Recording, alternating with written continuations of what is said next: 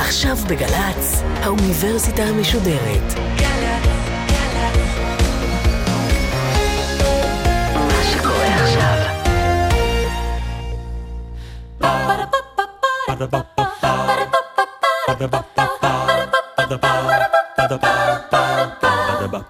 האוניברסיטה המשודרת מציגה מהפכות, נקודות המפנה שעיצבו את עולמנו. והפעם, הדוקטור דיוויד גרייבס מהמכללה האקדמית תל אביב-יפו על מהפכת הרוק.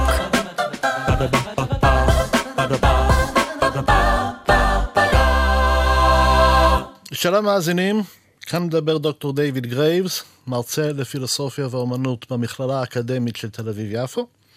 ואני היום רוצה לשוחח איתכם מעט על מהפכת הרוק, אשר אה, התחוללה פחות או יותר מאמצע שנות החמישים עד אמצע שנות השישים בעולם המערבי ואחר כך לעולם כולו.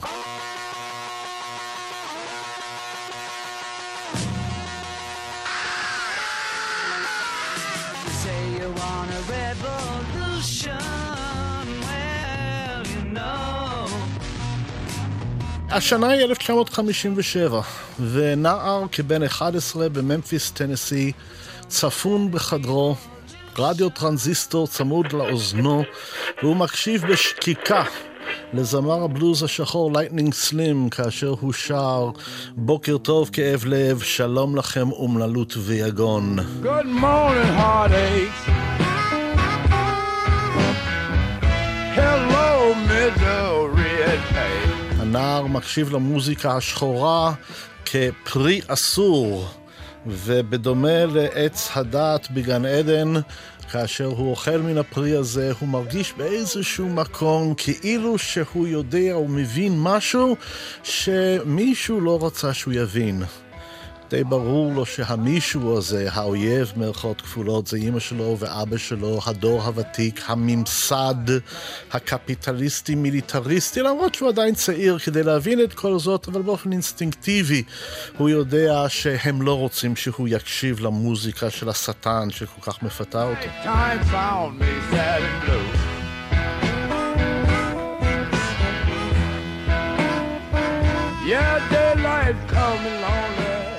עשור שנים לאחר מכן, השנה היא 1967, ואותו נער הוא סטודנט בן 21 באוניברסיטת ברקלי שבקליפורניה. והוא עושה דרכו לפסטיבל המוזיקה שבמונטריי, פסטיבל אה, של מיטב הלהקות שכוללות את המאמאז והפאפאז, להקת המי, ג'ימי הנדריקס, אה, הנגן הסיטר ההודי רבי שנקר, ג'ניס ג'ופלין ועוד רבים וטובים והחשוב מכל זה שמשתתפים שם משהו בסדר גודל של 60 עד 90 אלף אה, צעירים שכמותו, אשר הם כולם חלק מתנועה. תנועה אשר בעצם קוראת תיגר כנגד סדר העולם התרבותי הישן ומבקש לכונן סדר חדש. I may not get there with you, but I want you to know tonight that we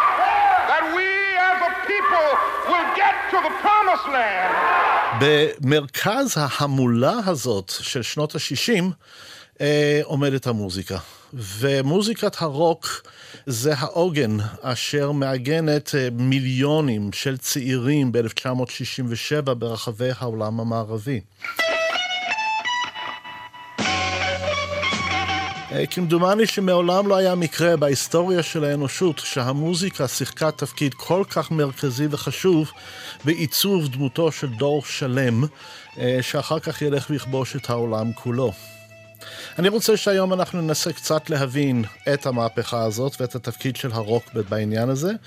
ובכדי להיטיב להבין את מהפכת הרוק אה, אשר התחוללה באותו העשור, אני חושב שכדאי שנתמקד בשני צירים מרכזיים. הציר הראשון הוא הציר של התפתחות מוזיקת הרוקנרול בכלל, ולתוך מוזיקת הרוק. והציר השני זה הציר שאנחנו קוראים לו התנועה. שכן היא התנועה לשוויון זכויות אזרחיות, אשר אה, שינתה את המפה התרבותית של אמריקה בתחילה ואחר כך של העולם כולו.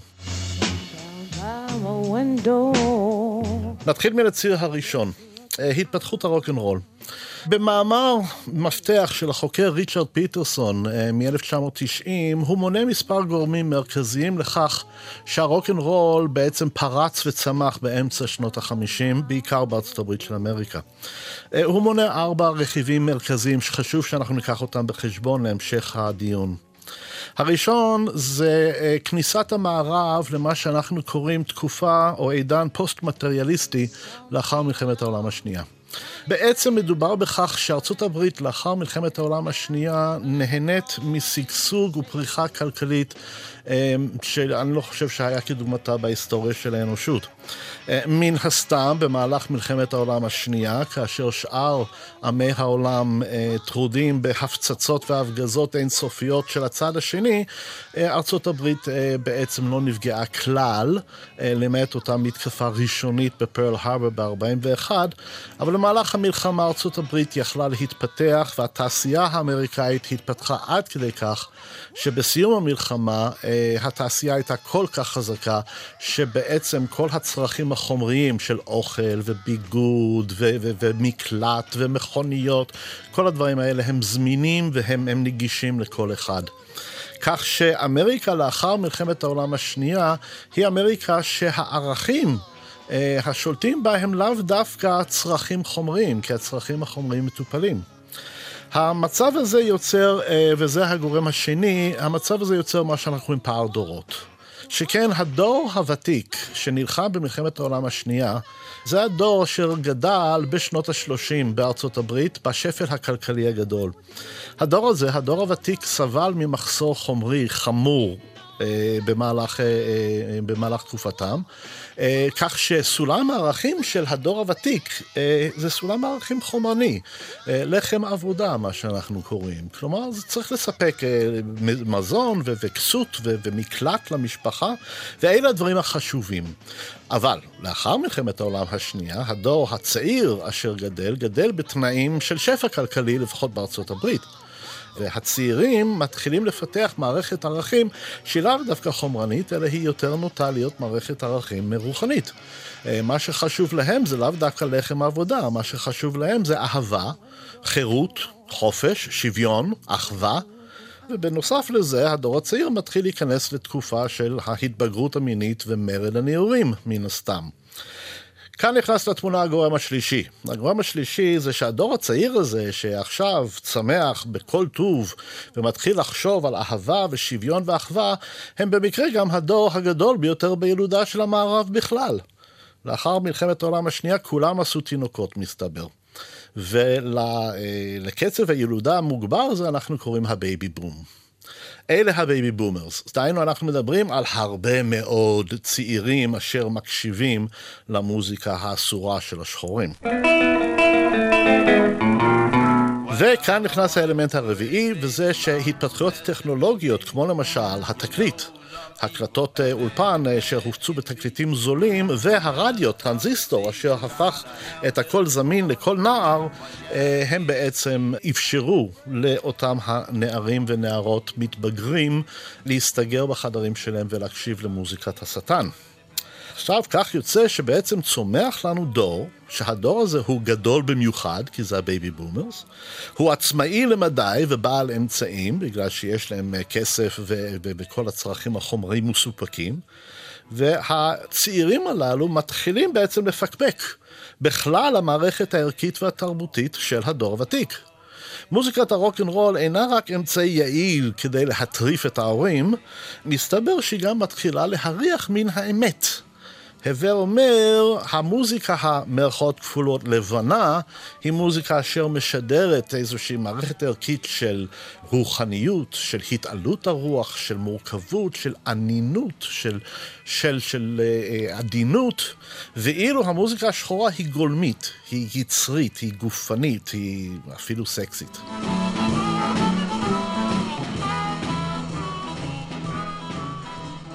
ובמערך הכללי הצעירים מתחילים לחשוב שבעצם המוזיקה השחורה מתחילה להסריח מירכאות כפולות מן האמת ביחס למוזיקה הקלאסית מירכאות כפולות הלבנה שההורים שומעים. אבל חשוב לציין שבנקודה הזאת מוזיקת הרוקנרול הצעירה לא משרתת מטרות אומנותיות במיוחד. אה, המוזיקה משמשת בעיקר כאמצעי לשחרור לחצים, לניגוח ההורים, אה, להשתולל, לפרוק לחצים. אה, היא מוזיקה להשתוללות, היא לא להאזנה דווקא. Ready, set, go.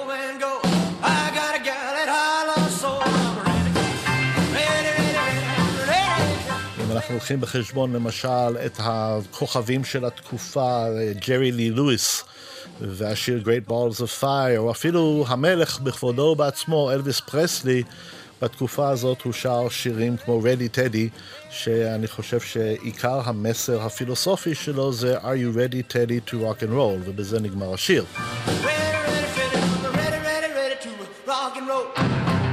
אבל כאן נכנס לתמונה הציר השני שלנו, והרי היא התנועה. כאשר אני אומר התנועה, אני מתכוון למה שאנחנו קוראים התנועה לשוויון זכויות אזרחיות, אשר התחילה באופן רשמי בפברואר 1960, אה, כאשר ארבעה סטודנטים שחורים בצפון קרוליינה סירבו לפנות דלפק שהיה שמור ללבנים בלבד אה, בקפיטריה של חנות to Woolworth, sit down and demand to be served at the lunch counter. Being killed trying to achieve your rights and some sense of dignity might be worth it. I, I wasn't too convinced that life was worth living without manhood and dignity. הם ישבו שם בדלפק השמור ללבנים כמחאה נגד חוקי ההפרדה הגזעית אשר עדיין היו נהוגים במדינות דרום ארצות הברית. המחאה הייתה מוצלחת במיוחד מסתבר, שכן היא הציתה גל של מחאות דומות ברחבי המדינה, מחאות אשר התאפיינו באיפוק וחוסר אלימות, בהתאם לדוקטרינה של התנגדות פסיבית, כתורתם של מהטמה גנדי ומרטין לותר קינג ג'וניור. הגל הראשון של התנועה הביא לכך שביוני 1964 חתם הנשיא לינדון ג'ונסון על חוק החירויות האזרחיות, The Civil Liberties Acts of 1964, ושם קץ בעצם לתרבות האפרטהייד בארצות הברית, לפחות מבחינת החוק. My fellow Americans, I am about to sign into law the Civil Rights Act of 1964. I want to take this occasion to talk to you about what that law means to every American. בפברואר אותה השנה, 1964, הביטלס נחתו בארצות הברית לסיבוב הופעות ראשון. במשך כחצי שנה לפני כן, מוזיקת, ה... המוזיקת הפופ של הלהקות הבריטיות כמו הביטלס, הרולינג סטונס, האנימלס ולהקת המי, אה, החלה להציף את מצעדי הפזמונים האמריקאים. הייתה זו הפלישה הבריטית, כך היא נקראה, ומה שלא הצליח לבריטים ב-1776, הצליח להם ב-1964 ועוד איך. ג'ון!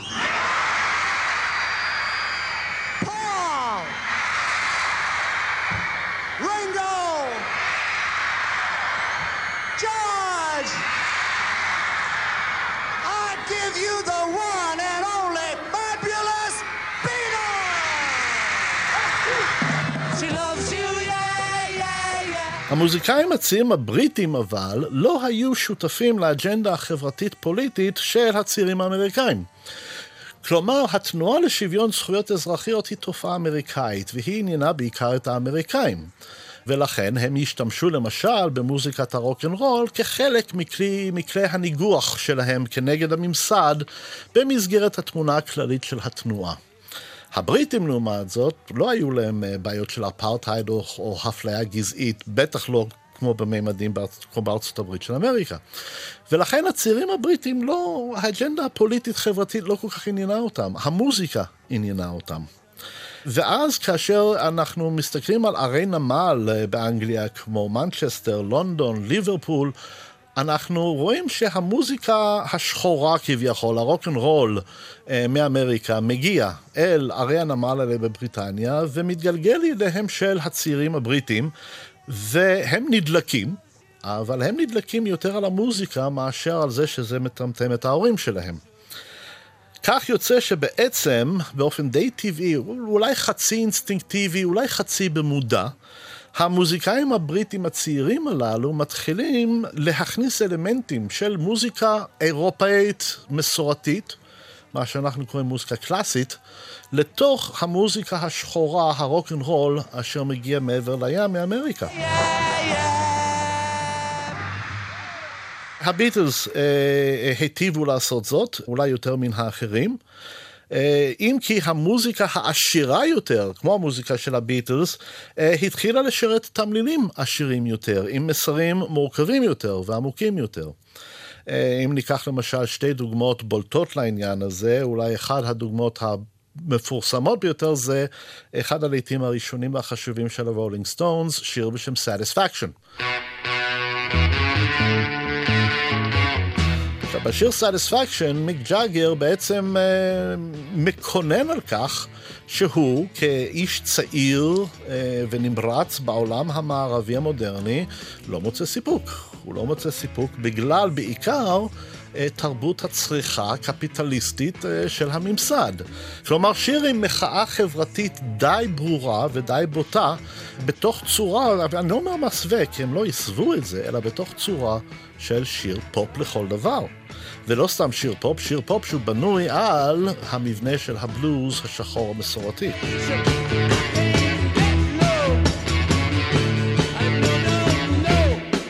כך שיוצא שבעצם המוזיקאים הבריטים מתחילים לעשות דבר שבסופו של דבר הוא די מופלא, וזה הם לוקחים את המוזיקה השחורה, האמריקאית, הנמוכה, היצרית, הגופנית, הסקסית, הגולמית, המחוספסת, הפראית, והם מתחילים לחתן אותה בעצם עם המסורות המוזיקליות הקלאסיות של אירופה, עם, עם, ה, עם המורכבות, עם העדינות, עם האנינות, עם הרוחניות, עם כל התכונות הגבוהות והלבנות מירכאות כפולות, כנגד התכונות הנמוכות והשחורות מירכאות כפולות של המוזיקה האמריקאית.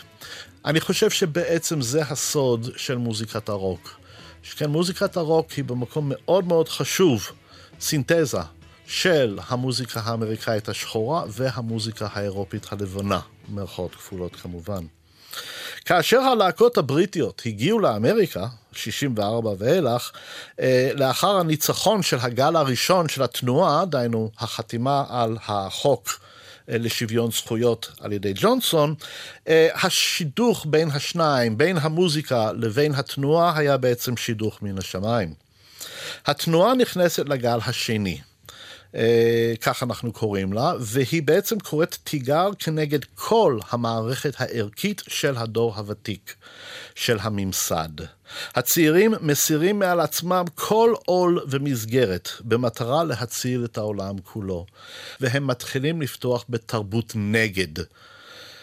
מוזיקת הרוק החדשה מתאימה לילדי הפרחים הללו כמו כפפה. מוזיקת הרוק בועטת והיא צועקת, היא מוחה, היא שוברת מסגרות מכל כיוון אפשרי. יחד עם זאת, הרוק מטיף לאהבה, לפתיחות, לחירות ולסובלנות.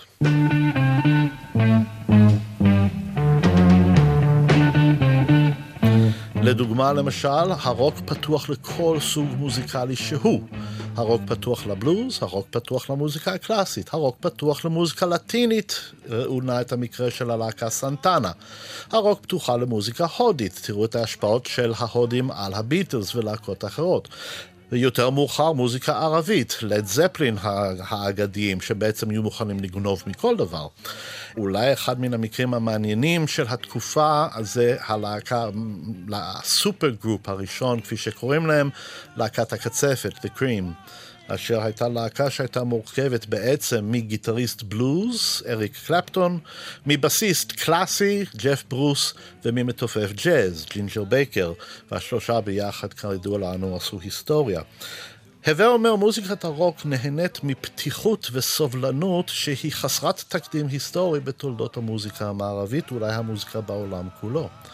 מצד שני, מוזיקת הרוק בועטת ושוברת וצורחת וצועקת יותר מאשר כל סוג מוזיקלי אחר לחרדתם של, של הדור הוותיק של אבא ואימא. השילוב הפרדוקסלי הזה של הגבוה והנמוך, השחור והלבן, הפתוח והסובלני, עם המונח הישראלי המכסח והתוקפני, השילוב הפרדוקסלי והמופלא הזה לדעתי זה הסוד של הצלחת אה, מוזיקת הרוק.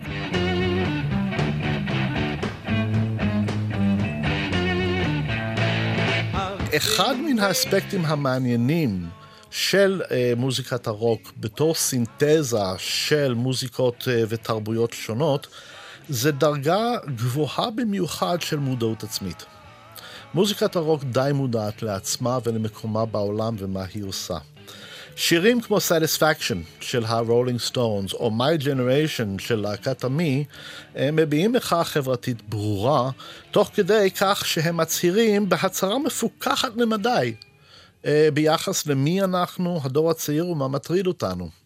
אה, השיר My Generation של להקת המי, כשמו כן הוא, שיר על הדור הצעיר הזה, והזמר המוביל, אה, רוג'ר דולטרי, שר את השיר תוך כדי גמגום. כדי uh, להבהיר ובעצם לממש את הרעיון שאומנם הם נחרצים והם יוצאים והם מוחים, אבל הם לא לגמרי בטוחים במה שהם עושים, הם קצת מגמגמים, הם קצת מהססים, uh, קשה להם עם, עם, uh, עם כל מה שמתחולל גם כן, וקשה להם זה שהדור הוותיק לא יהיה מסוגל להבין אותם. Don't try to dig what we all say.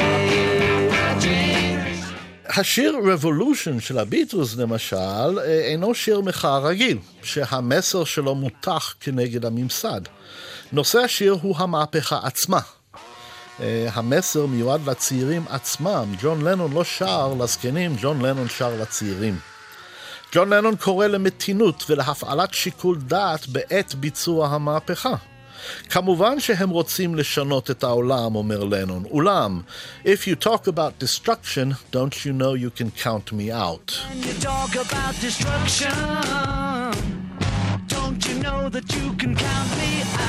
אם אתה רוצה לדבר על הרס, אז אתה יכול להוציא אותי מן העניין. הנושא של ההשתוללות חסרת הרסן כביכול של הצעירים הללו, זה, זה נושא של מיתוס יותר מאשר של מציאות. שכן, אם אנחנו מסתכלים על המציאות, הצעירים הללו היו באמת, אה, היו הרבה יותר מתונים והרבה יותר שקולים ממה שאנחנו חושבים. צריך לקחת בחשבון למשל את פסטיבל וודסטוק ב-1969, שלושה ימים של אהבה ומוזיקה, כך זה נקרא אז. אה, ששם חצי מיליון אנשים התגודדו יחד באזור אסון, ללא אוכל, ללא מים, ללא שירותי תברואה, ללא שירותי בריאות וללא אף מקרה פלילי אחד. היה מקרה אחד של מוות, אבל זה בגלל שטרקטור נפל על אחד מן הצעירים, מה לעשות. נכון, יש תרבות סמים, אבל תרבות הסמים באופן מפורש מכוון להרחבת התודעה, כפי שהם קראו לזה, ולא סתם כדי להתמסטל ולהיות אה, שיכורים. כך למשל, אה, השיר Magic Carpet Ride של להקת סטפנוולף נתפס במיתולוגיה של שנות ה-60 כשיר הלל אה, לנכונות של הדור להרחיב את התודעה. לחרוג מעבר לגבולות הקונבנציה המקובלת ולצאת למסע של גילוי מופלא על מרבד הקסמים. די ברור לרוב האנשים ממבט ראשון שמדובר ב-LSD ובטריפים ובתרבות הסמים, אבל האמת היא שלא כך הדבר. השיר מתייחס אומנם לתרבות הסמים, אבל די בזלזול כאשר קוראים את הטקסט. זה לא הסמים אשר יעשו, אה, ייקחו אותנו למסע המופלא הזה על מרבד הקסם. אם אנחנו בודקים את הטקסט של השיר, שהוא נמצא מולי כרגע, אז הטקסט פותח במשפטים I like to dream, yes, yes, right between my sound machine. כלומר, הוא אוהב לחלום, אבל איפה הוא חולם? בתוך המוזיקה.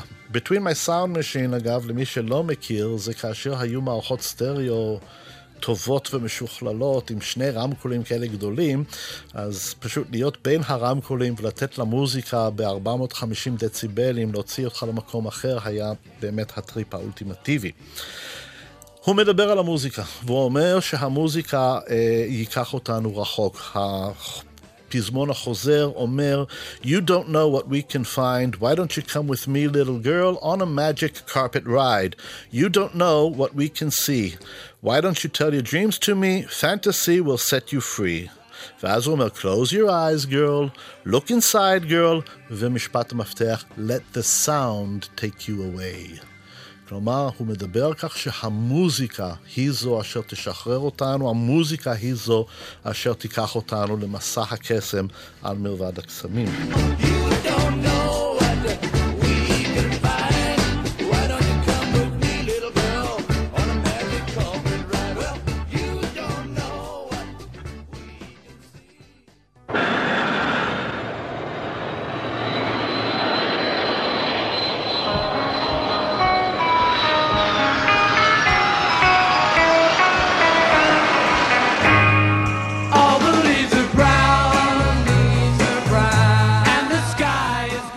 יוצא שמוזיקת הרוק הופכת לא רק לקול של התקופה, אלא גם לכלי לעיצוב הזהות התרבותית של דור שלם. הדור הזה, ילדי הפרחים, ה hippies, ילדי תרבות הנגד, דור האני הם גם נקראו, הדור הזה של ה baby boomers, הצעירים, בשנות ה-20 לחייהם, מיליונים של, של צעירים שכאלה, לא היו מוכנים להזדהות עם אף מסגרת תרבותית שהיא, למעט מסגרת אחת שהם יצרו אותה, וזה מוזיקת הרוק. זה בעצם היה המסגרת היחידה אשר עמדה לרשותם כדי שהם ירגישו את עצמם שייכים לאיזושהי מסגרת. כך שיצא שמוזיקת הרוק היה בעצם אחד הכלים החשובים ביותר בעיצוב זהותם העצמית של אחד הדורות הגדולים ביותר והחזקים ביותר בתולדות המערב. וכך, מאזינים יקרים, אנחנו מוצאים את עצמנו עם אותו סטודנט צעיר מאוניברסיטת ברקלי שבקליפורניה, בפסטיבל המוזיקה של מונטריי ביוני 1967, הקרוי גם הקיץ של האהבה. המאמאז והפאפאז שרים קליפורניה דרימין בהרמוניות ווקאליות שמימיות. להקת עמי מבצעת את My Generation ומרסקת את כלי הנגינה על הבמה בסוף השיר בלהט גדול. ג'ניס ג'ופלין שרה בלוז אשר משאיר את המאזינים פעורי פה, וג'ימי הנדריקס מעלה את הגיטרה שלו באש, כמו סוג של קורבן לאלים. אולי התנועה לא תצליח להציל את העולם כפי שילדי הפרחים קיוו, אבל מוזיקת הרוק עומדת להשאיר את חותמה על העולם הזה, וגם זו לטובה.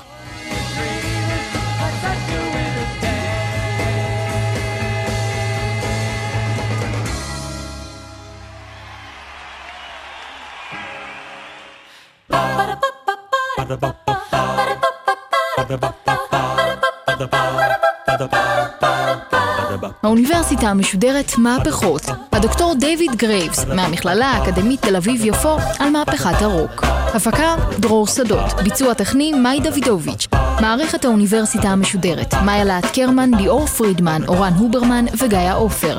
האוניברסיטה המשודרת, בכל זמן שתרצו, באתר וביישומון אפליקציה של גל"צ וגם בדף הפייסבוק של האוניברסיטה המשודרת.